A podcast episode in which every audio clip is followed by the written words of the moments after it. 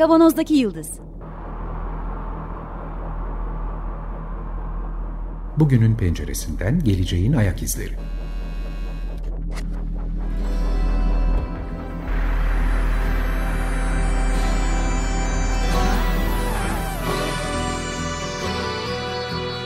Hazırlayan ve sunanlar İsmail Başöz, Haluk Levent, Mustafa Yılmazer ve Fethiye Erbil.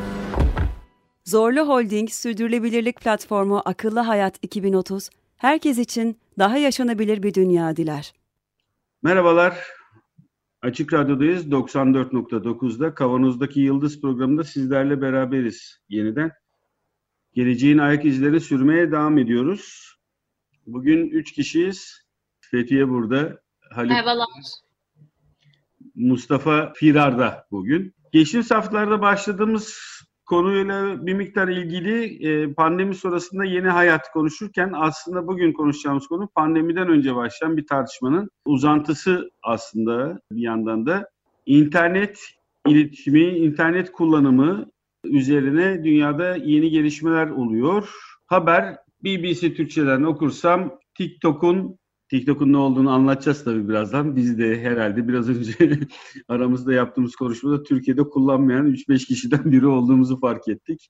TikTok isimli sosyal medya mecrasının Amerika'da Trump tarafından yasaklanması gündeme geldi. Yani kullanılmaması ya da kullanılmasının legal olmaması gündeme getirildi.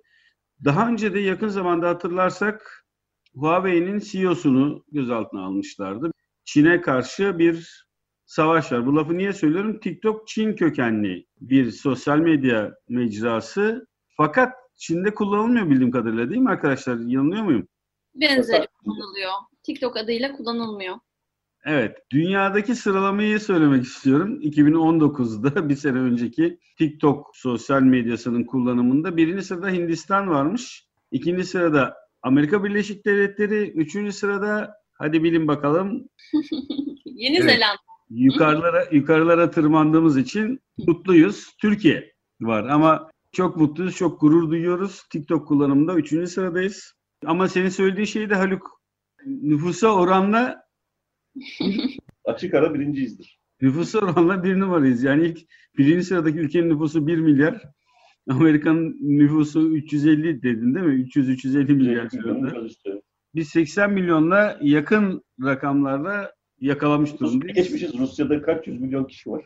Üstelik karantina sonrası belki artmıştır bizde kullanım. Covid'le beraber. Amerika'da da yasaklanacaksa biz bence ikiye oynuyoruz rahatlıkla.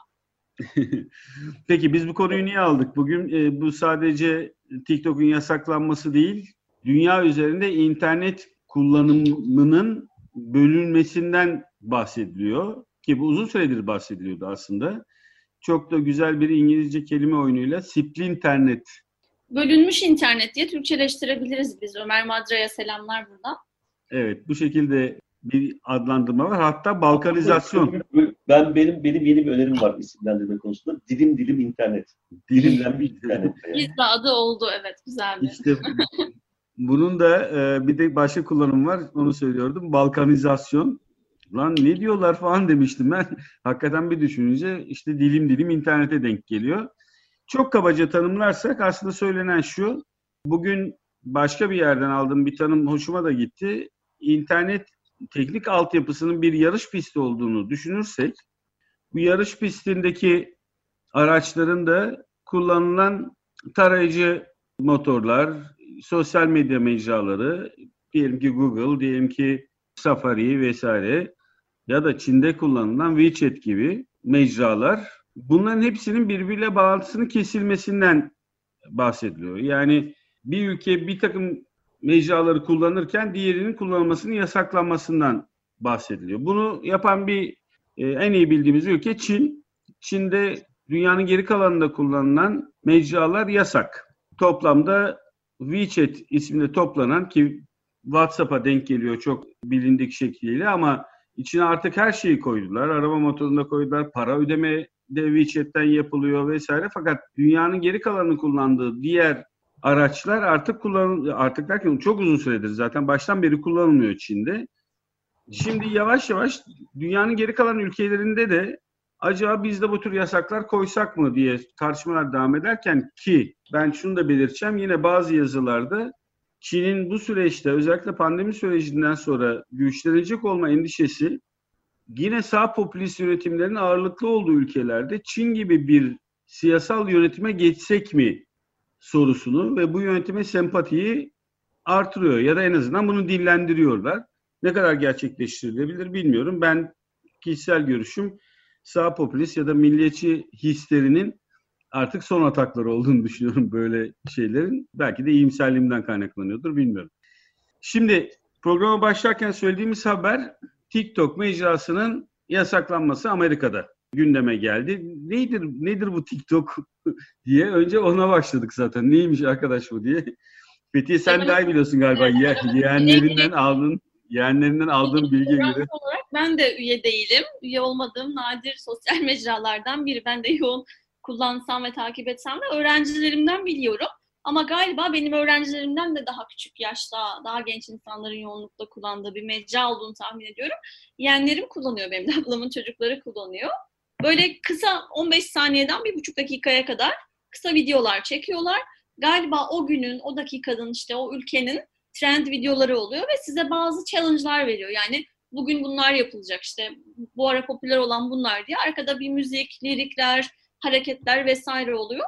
Onları yapıyor 15 saniyede, 20 saniyede, 30 saniyede ve sizi takip eden e, ya da takip etmeyen milyonlarca insana ulaşabiliyorsunuz sıradan birisi olarak. Benim karşıma çoklukla Instagram'da, Facebook'ta çıkıyor. Oraya da galiba atabiliyor insanlar bu videoları. E, böyle absürt olan, komik olan, işte insanların diline düşen e, TikTok videoları oralara gelebiliyor. Ama kendi içinde yoğun kullanılan ama kendi içinde kapalı bir kutu gibi de bir yandan. Çin'de başlayan bir uygulama ama Çin, yani Çin temelli bir uygulama. Şirketin sahibi Çin'den fakat Çin'de de Douyin diye zannediyorum telaffuzu böyleyse bir versiyonu kullanılıyor. Bunların veri paylaşımı ya da insanların, e, kullanıcıların verilerini toplama politikaları birbirinden farklı. Onu söylemekte fayda var. Ben onu söyleyecektim. Bu kadar sevimli bir şeyden bahsediyorsun. Ne güzel dans ediyorlar, videolar falan filan. Niye bu kadar tehlikeli ki böyle bir mecra? Her ne kadar TikTok'la Douyin'i karşılaştırdığımızda biz de bunu sanıyorum Brookings'den aktarıyoruz değil mi? Birkaç farklı haber kaynağından okuduk. TikTok birazcık daha e, hangi verileri tuttuğunu, hangileri kimlerle paylaştığı konusunda bu politikada biraz daha nispeten daha şeffaf gibi davranıyor.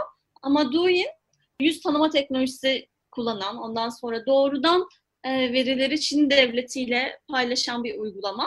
Ama ikisinin de sahibi aynı şirket olduğuna göre TikTok'un verilerinin Çin hükümetinin eline geçmeyeceği konusunda bize garanti verebilecek bir zannediyorum durum yok. Bundan mı korktu Trump acaba?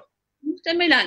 Ee, bir yaklaşık bir 10-15 gün önce bu mesele iyice e, ayyuka çıktı. Bir süredir konuşuluyordu. Zaten Huawei'nin yasaklanmasıyla beraber işte Amerika Birleşik Devletleri'nde e, Trump'ta yaklaşık bir 10-15 gün önce yanılmıyorsam 45 gündür e, bütün Amerika'daki kamu kuruluşlarına, şirketlere TikTok'la herhangi bir paylaşım yapamazsınız. Sonra Amerikan vatandaşları TikTok'u kullanamaz, güncelleyemez. Hani indirenlere bir şey yapamıyor ama yeni güncellemeler gelemez. İşte e, Apple Store'dan ya da ne bileyim Google Play'den ve şirketler burada tabii çok reklam yaparak gelir sağlıyorlar. Bu bir gelir modeli birçok şirket için. Milyonlarca genç kullanıcıya ulaşma şansları var reklam da veremezsiniz. Herhangi bir ticari faaliyet, politikacılar çok kullanıyordu. Politik faaliyet gerçekleştiremezsiniz bunun üzerinden dedi. Bu esnada da bir senedir de Microsoft'un TikTok'u almaya çalıştığını da eklemek gerekiyor. Bir de Instagram yoğun kullananlar vardır belki aranızda. İkinizin de çok aşina olmadığı bir mecra Instagram'a ama Instagram'a story özelliği var. Hikaye paylaşıyoruz 24 saat orada kalıyor onu bilirsiniz. Bir de Reels, Reels artık nasıl okunursa öyle bir yeni bir özelliğini piyasaya sürdü. Brezilya'dan sonra Amerika'da, Türkiye'de böyle yoğun kullanılan ülkelerde sosyal medyanın TikTok'un yani birebir aynısı denebilir, kopyası. Ama Instagram'ın sahibi Facebook, Facebook'ta Amerikan temelli bir şirket. E, şimdi bunun böyle Amerika şey iddia ediyor. Güvenlik gerekçesiyle biz bunu yasaklıyoruz. İşte veri toplama sisteminde sorunlar var. Nasıl diyebilirim? Espiyonaj yapıyorlar. Yani e, TikTok üzerinden Çin hükümeti insanların verilerini topluyor ve siyasi mekanizmalara bunu entegre edecek e, ve bunu bir politik kavgaya dönüştürecek, politik tartışmaya dönüştürecek diye. Fakat meselenin ekonomik boyutunun da olduğu anlaşılıyor Microsoft'tan ve Instagram'ın attığı adımlarda. Özeti böyle. Ee, şimdi bu aslında bizim iktisatta çok kullandığımız bir ders kitabı örneği ile çok rahat açıklanacak bir şey. Tekelci rekabet diye bir şey vardır. Yani tekel ve e, serbest rekabet hipotetik piyasalardır. Gerçek dünyada görülmesi çok zordur. En çok görülen piyasa türü tekelci rekabet piyasasıdır. Tekelci rekabet piyasası esas itibariyle bir esir müşteri kitlesi yaratmaya dayanır. Bu bazen fiziki olarak bölgesel düzeyde falan işte e, çeşitli yasal düzenlemelerle, regülasyonlarla tanımlanabileceği gibi bazen bazen de reklam üzerinden algı yaratarak yapılabilir. Konuşan televizyon çok teknoloji şeyi falan aslında hiçbir işe yaramayan bir fonksiyon reklamla abartıldığı için zamanında yapılmıştı böyle bir şey. Şimdi bu internetteki mecraların iktisadi plandaki rekabeti tam bu piyasa türüne bir örnek olarak değerlendirilebilir. Bir mecra ne kadar gelişip ne kadar dominant olmaya başlarsa bir kar topu gibi büyük bir ivmeyle e, büyümeye başlıyor ve bu diğer piyasaları eziyor. Ama burada benim görüşüm, benim edindiğim izlenim üst üste binmiş çok sayıda farklı aktörün farklı amacı var. Mesela TikTok'un işte Fethiye bahsetti, sen de sordun. Neler topluyor? Independent'ta vardı. Independent'ta bir yazıda gördüm. Oradan kopyaladım. Bir kere işte kayıt bilgileri, yaştı, username'di, password'tü, dildi, e-maili, e-maildi, telefon numarası. telefon numarasıydı falan filan. Profile'la yani bu profiling biliyorsun özellikle Facebook'un işte o Cambridge Analytica'da çok uzun uzun durduk bu kavramların üzerinde. O yüzden durmayacağım şimdi. Profiling yapmak bu tür mecraların siyasi faaliyette ve propagandada, ajitasyonda kullanılması için temel özellik ve profiling information'ın bilgilerini topluyor. İşte e, ad, ad gibi, işte sosyal medyadaki diğer hesap bilgileri, imaj yani bu sadece resim olarak görmemek gerekiyor. Orada yaptığı etkinlikler, ilgi duyduğu e, şeylerin falan hepsinin bilgilerini topluyor. Kullanıcının ürettiği içerikleri tabii ki şey yapıyor. Bir de ödeme bilgilerini topluyor. Hı hı. E bunu herkes yapıyor ama. Yani şimdi TikTok yapıyor. E bunun alasını Facebook yapıyor. Trump'ın TikTok'a karşı çıkıp Facebook'u ya da işte diğerlerinin tutmasının bir amacı olması lazım o zaman. O amaç ne? E, Kasım'da seçim var. Şimdi TikTok Trump'ın kontrol edemediği bir mecra. Twitter mesela Trump'ın yine kontrol etmekte zor, en azından zorlandığını bildiğimiz ya da Haluk bir dakika keseceğim seni. Kontrol edemediğin örneğini e, yine 21 Haziran'da haberde CNN'den 21 Haziran'da e, Oklahoma'da Tulsa'da Trump'ın kampanyası kampanya toplantısına katılacak olan insanlar kendilerini kaydettiriyorlar. TikTok vesaire üzerinden de haberleşip ama özellikle TikTok üzerinden haberleşip kendilerini kaydettirdikleri halde katılmayarak kampanya toplantısının 3-5 kişiyle geçmesine yol açabiliyorlar. Yani bir yandan da tabii aklıma şey geliyor. Ee, Daha önce Amerikan kökenli sosyal medya araçları kullanılarak Arap Baharı yapılırken çok gerçekleştirirken çok keyfi yerinde olan Amerikan yönetiminin burada tabii keyfinin kaçtığını da görüyoruz. TikTok'u bu açıdan da o tabii suçlayabilirler. sıradan bir toplantı değildi. O yüzden çok Trump'ı derinden yaraladı. Tulsa, Trump'ın kampanyasının startını verdiği toplantıydı. Ve büyük bir şey yaptılar. İşte, Covid ortamındayız ama biz işte Covid'de kimmiş neymiş. Kapalı salonda toplanacağız, hep beraber olacağız, şöyle olacağız, böyle olacağız. 10 bin kişi gelecek, 100 bin kişi gelecek falan filan. Sığmayacağız salonlara diye gittiler. Sonra bir gittiler bomboş salon. İşte senin dediğin gibi ticket almışlar, bilet almışlar. Ama gitmeyerek salonları boş, salonu boş bıraktılar. Yani o organizasyonu yaparken kullandıkları araçlardan bir tanesi bu ama tek bir tek TikTok değil. Bir sürü başka araçta kullandılar tabii. Şimdi TikTok'u kapatırsan bu faaliyeti engellemesi mümkün değil şeyin e, Trump'ın. Ama şöyle bir şey var. Az önce bahsederken altını çizmeye çalıştım. Profiling yapmak için gerekli bilgileri topluyor ve bu profiling tekelini kırmış oluyor. Evet, aslında. Aslında şöyle söylersek ben toplayacaktım. Bu verileri ben satacaktım. Parantez verilerin petrolden daha fazla değerli olduğunu, daha değerli olduğunu artık sıkça söylüyoruz. Bunları ben topluyordum, ben satacaktım, benim kontrolümdeydi. Şimdi benim kontrolümde olmayan veri toplayan bir ticari organizasyon var. Bunu nasıl kabul ediyor? Bunun da Satmak yalnız sıra atmak da değil. Bunu manipüle etmek, bunu kendi tabii Trump'ın, Trump'ın, kullanmak daha, daha çok para getiren bir şey, güç getiren bir şey daha doğrusu. Trump'ın bütün derdi seçimi kazanmak. İki ay yani. iki ay içerisinde bu hakimiyetini kaybederse stratejik bir alanı, ya stratejik bir mağlubiyet almış olacak aslında. Çünkü onun korkusu Çin'in kendisine karşı Trump'ın geçen seçimde Cambridge Analytica ve benzeri kurumlarla gerçekleştirdiğine benzer bir kampanya yürütmesi. Aslında kimsenin böyle bir kampanya yürütmesine gerek yok. Ama Facebook'un ya da Trump'ın ekibinin çünkü o Cambridge Analytica kapandı ama ekip dağılmadı. Buharlaşmadı ki bunlar. Yani yine Trump'ın etrafındalar. Parayı veren de orada, işi yapan da orada, hesabı kitabı yapan da orada. Dolayısıyla bunların el- faaliyet tekellerini kırma ihtimali olan bir mecrayı yok etmeye çalışıyor. Bütün derdi bu Ama aslında. Bilet Trump açısından. tekerlerini demokratik yollarla kırmaya çalışan bir mecra da değil. Onun da uyarısını yapalım kullanıcılara, e, bizi dinleyenlere. E, kullanıcılarının verilerini yine en az Facebook kadar, en az Instagram kadar çokça ve böyle agresif bir şekilde toplayan ve üstelik kapalı bir kutu olan ve çok da şeffaf verileri paylaşmayan bir, bir şirket ve Çin'de olan bir şirketten bahsediyoruz. Yani Trump böyle birilerinin düşünce ve paylaşım özgürlüğünü baltalayarak bunu yapıyor değil. TikTok böyle bir kampanya yürütüyor şu anda dünyada. E, bizi yasaklayarak düşünce özgürlüğünü yasaklıyorsunuz, paylaşım özgürlüğünü yasaklıyorsunuz diye. Ama bir yandan da kendisi Çin'de yürüttüğü faaliyetlerle buna çanak tutan da bir şirket. Benim verileri satma lafını tekrar gündeme getireceğim. Sonuçta tüm bu uygulamalar, bu bedava kullandığımız tüm bu uygulamaların temel motivasyonu aslında veri toplayıp tüketici alışkanlıklarını yönlendirmek üzerine temelleniyor. Asıl motivasyonunu, asıl para kaynağını buradan alıyor. Ama ortaya çıkan profiller siyasal alanda kullanılabiliyor. Ben tekrar geri dönüyorum. Asıl hikaye tüketici profilini yönlendirmek olduğunu biliyoruz. Reklam verenlerin reklamların kullanımının e, yönlendirilmesi burada çok büyük önem taşıyor. Tüm bu bedava kullandığımız aplikasyonlar, uygulamalar vesaire temelinde bizim hareketlerimizi, profilingimizi birilerine veriyor. O birileri de alışveriş alışkanlıklarımız üzerinden kar elde ediyor. Bu temel motivasyonun bu olduğunu biliyoruz bir yandan ama bir yandan da siyasi kullanım var tabii.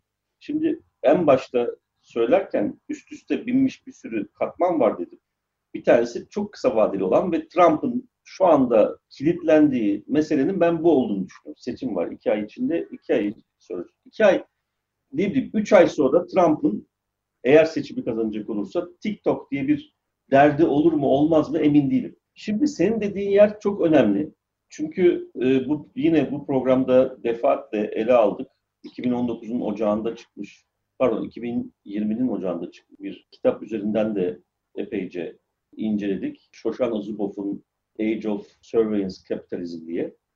Or, bunun bir artık kapitalizmin Zuboff'a göre alt versiyon hani çok sayıda kapitalizmler vardır diye bir yaklaşım da vardır ya öyle kitap falan da var zaten. O versiyonlardan bir tanesi olarak bu senin dediğini kurguluyor. Bence çok daha farklı, ondan biraz daha öte kapitalizmin bazı kurallarını radikal olarak değiştiren ve dolayısıyla acaba bu kapitalizm mi yoksa başka bir şey mi diye sormamızı da meşru kılan e, bir ölçüde önemli bir e, mesele var. Senin dediğin hikayede.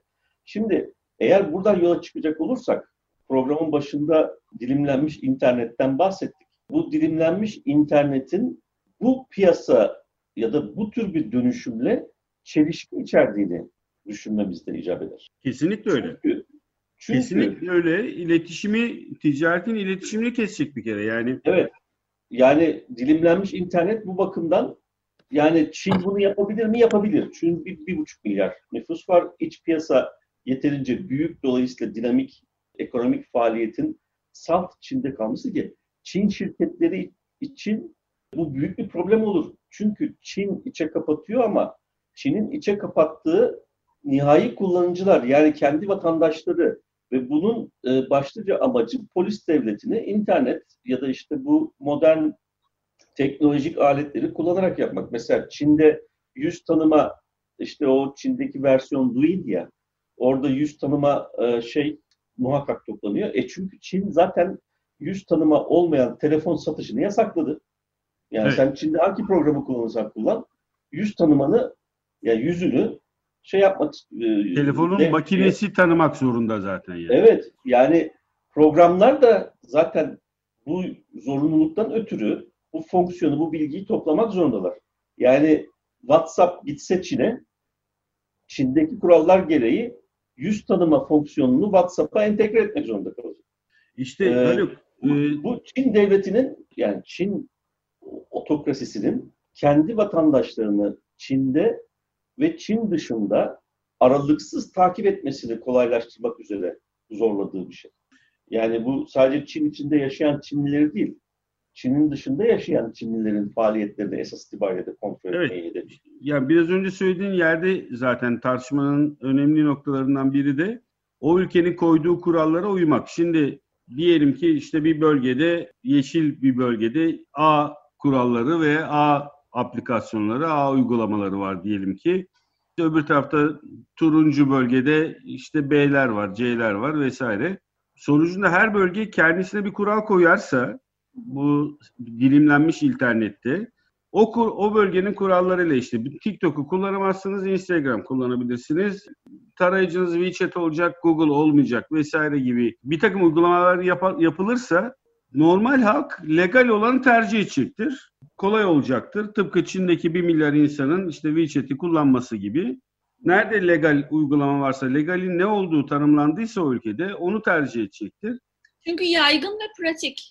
olacaktır. Ama bunun dışındaki dünya yani uluslararası iletişim içerisinde olmak zorunda olan özellikle ticaret dünyası her ülkenin kendi kuralları ile hareket etmek zorunda kalacak.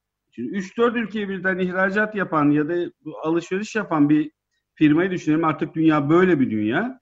Her ülke için ayrı bir iletişim kuralını gündeme getirmek ve bunu, bunu uygulamak zorunda. Bunu uygulamadığı zaman çok büyük cezalar alacak ve her tarafta bunu organize etmek zorunda kalacak bu sefer de. Ben e, aynı görüşte değilim. İktisatçı mantığında düşünüyorum şimdi.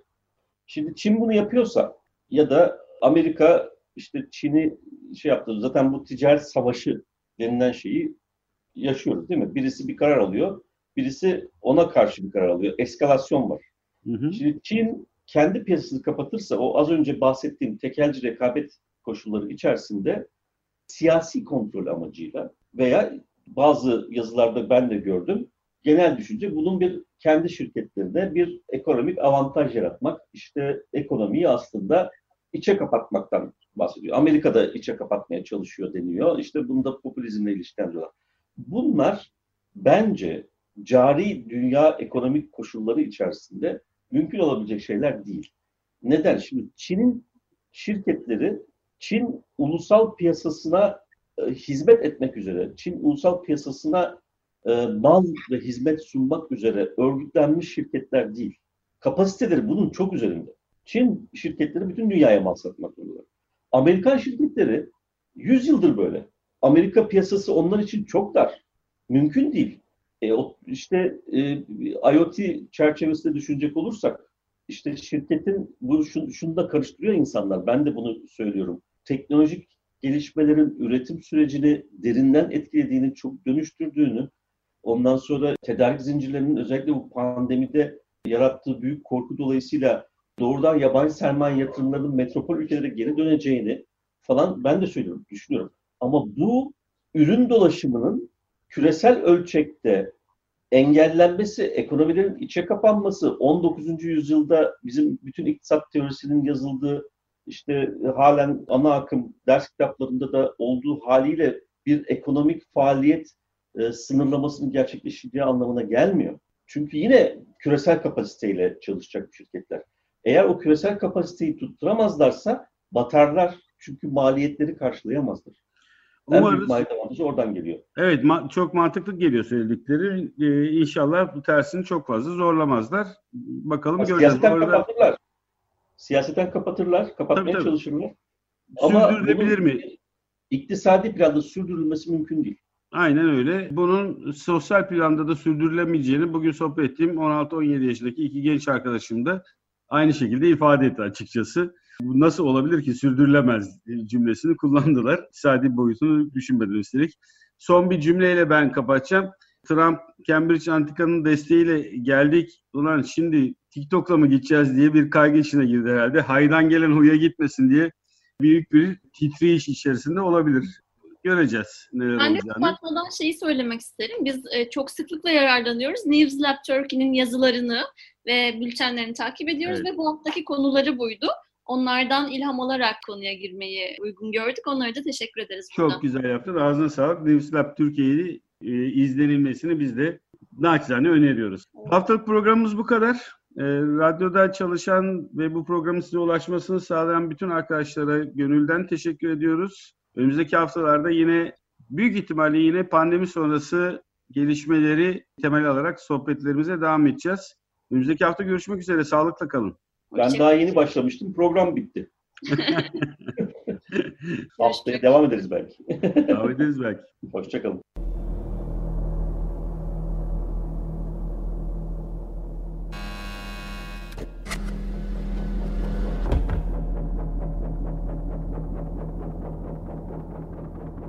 Kavanozdaki Yıldız Bugünün penceresinden geleceğin ayak izleri.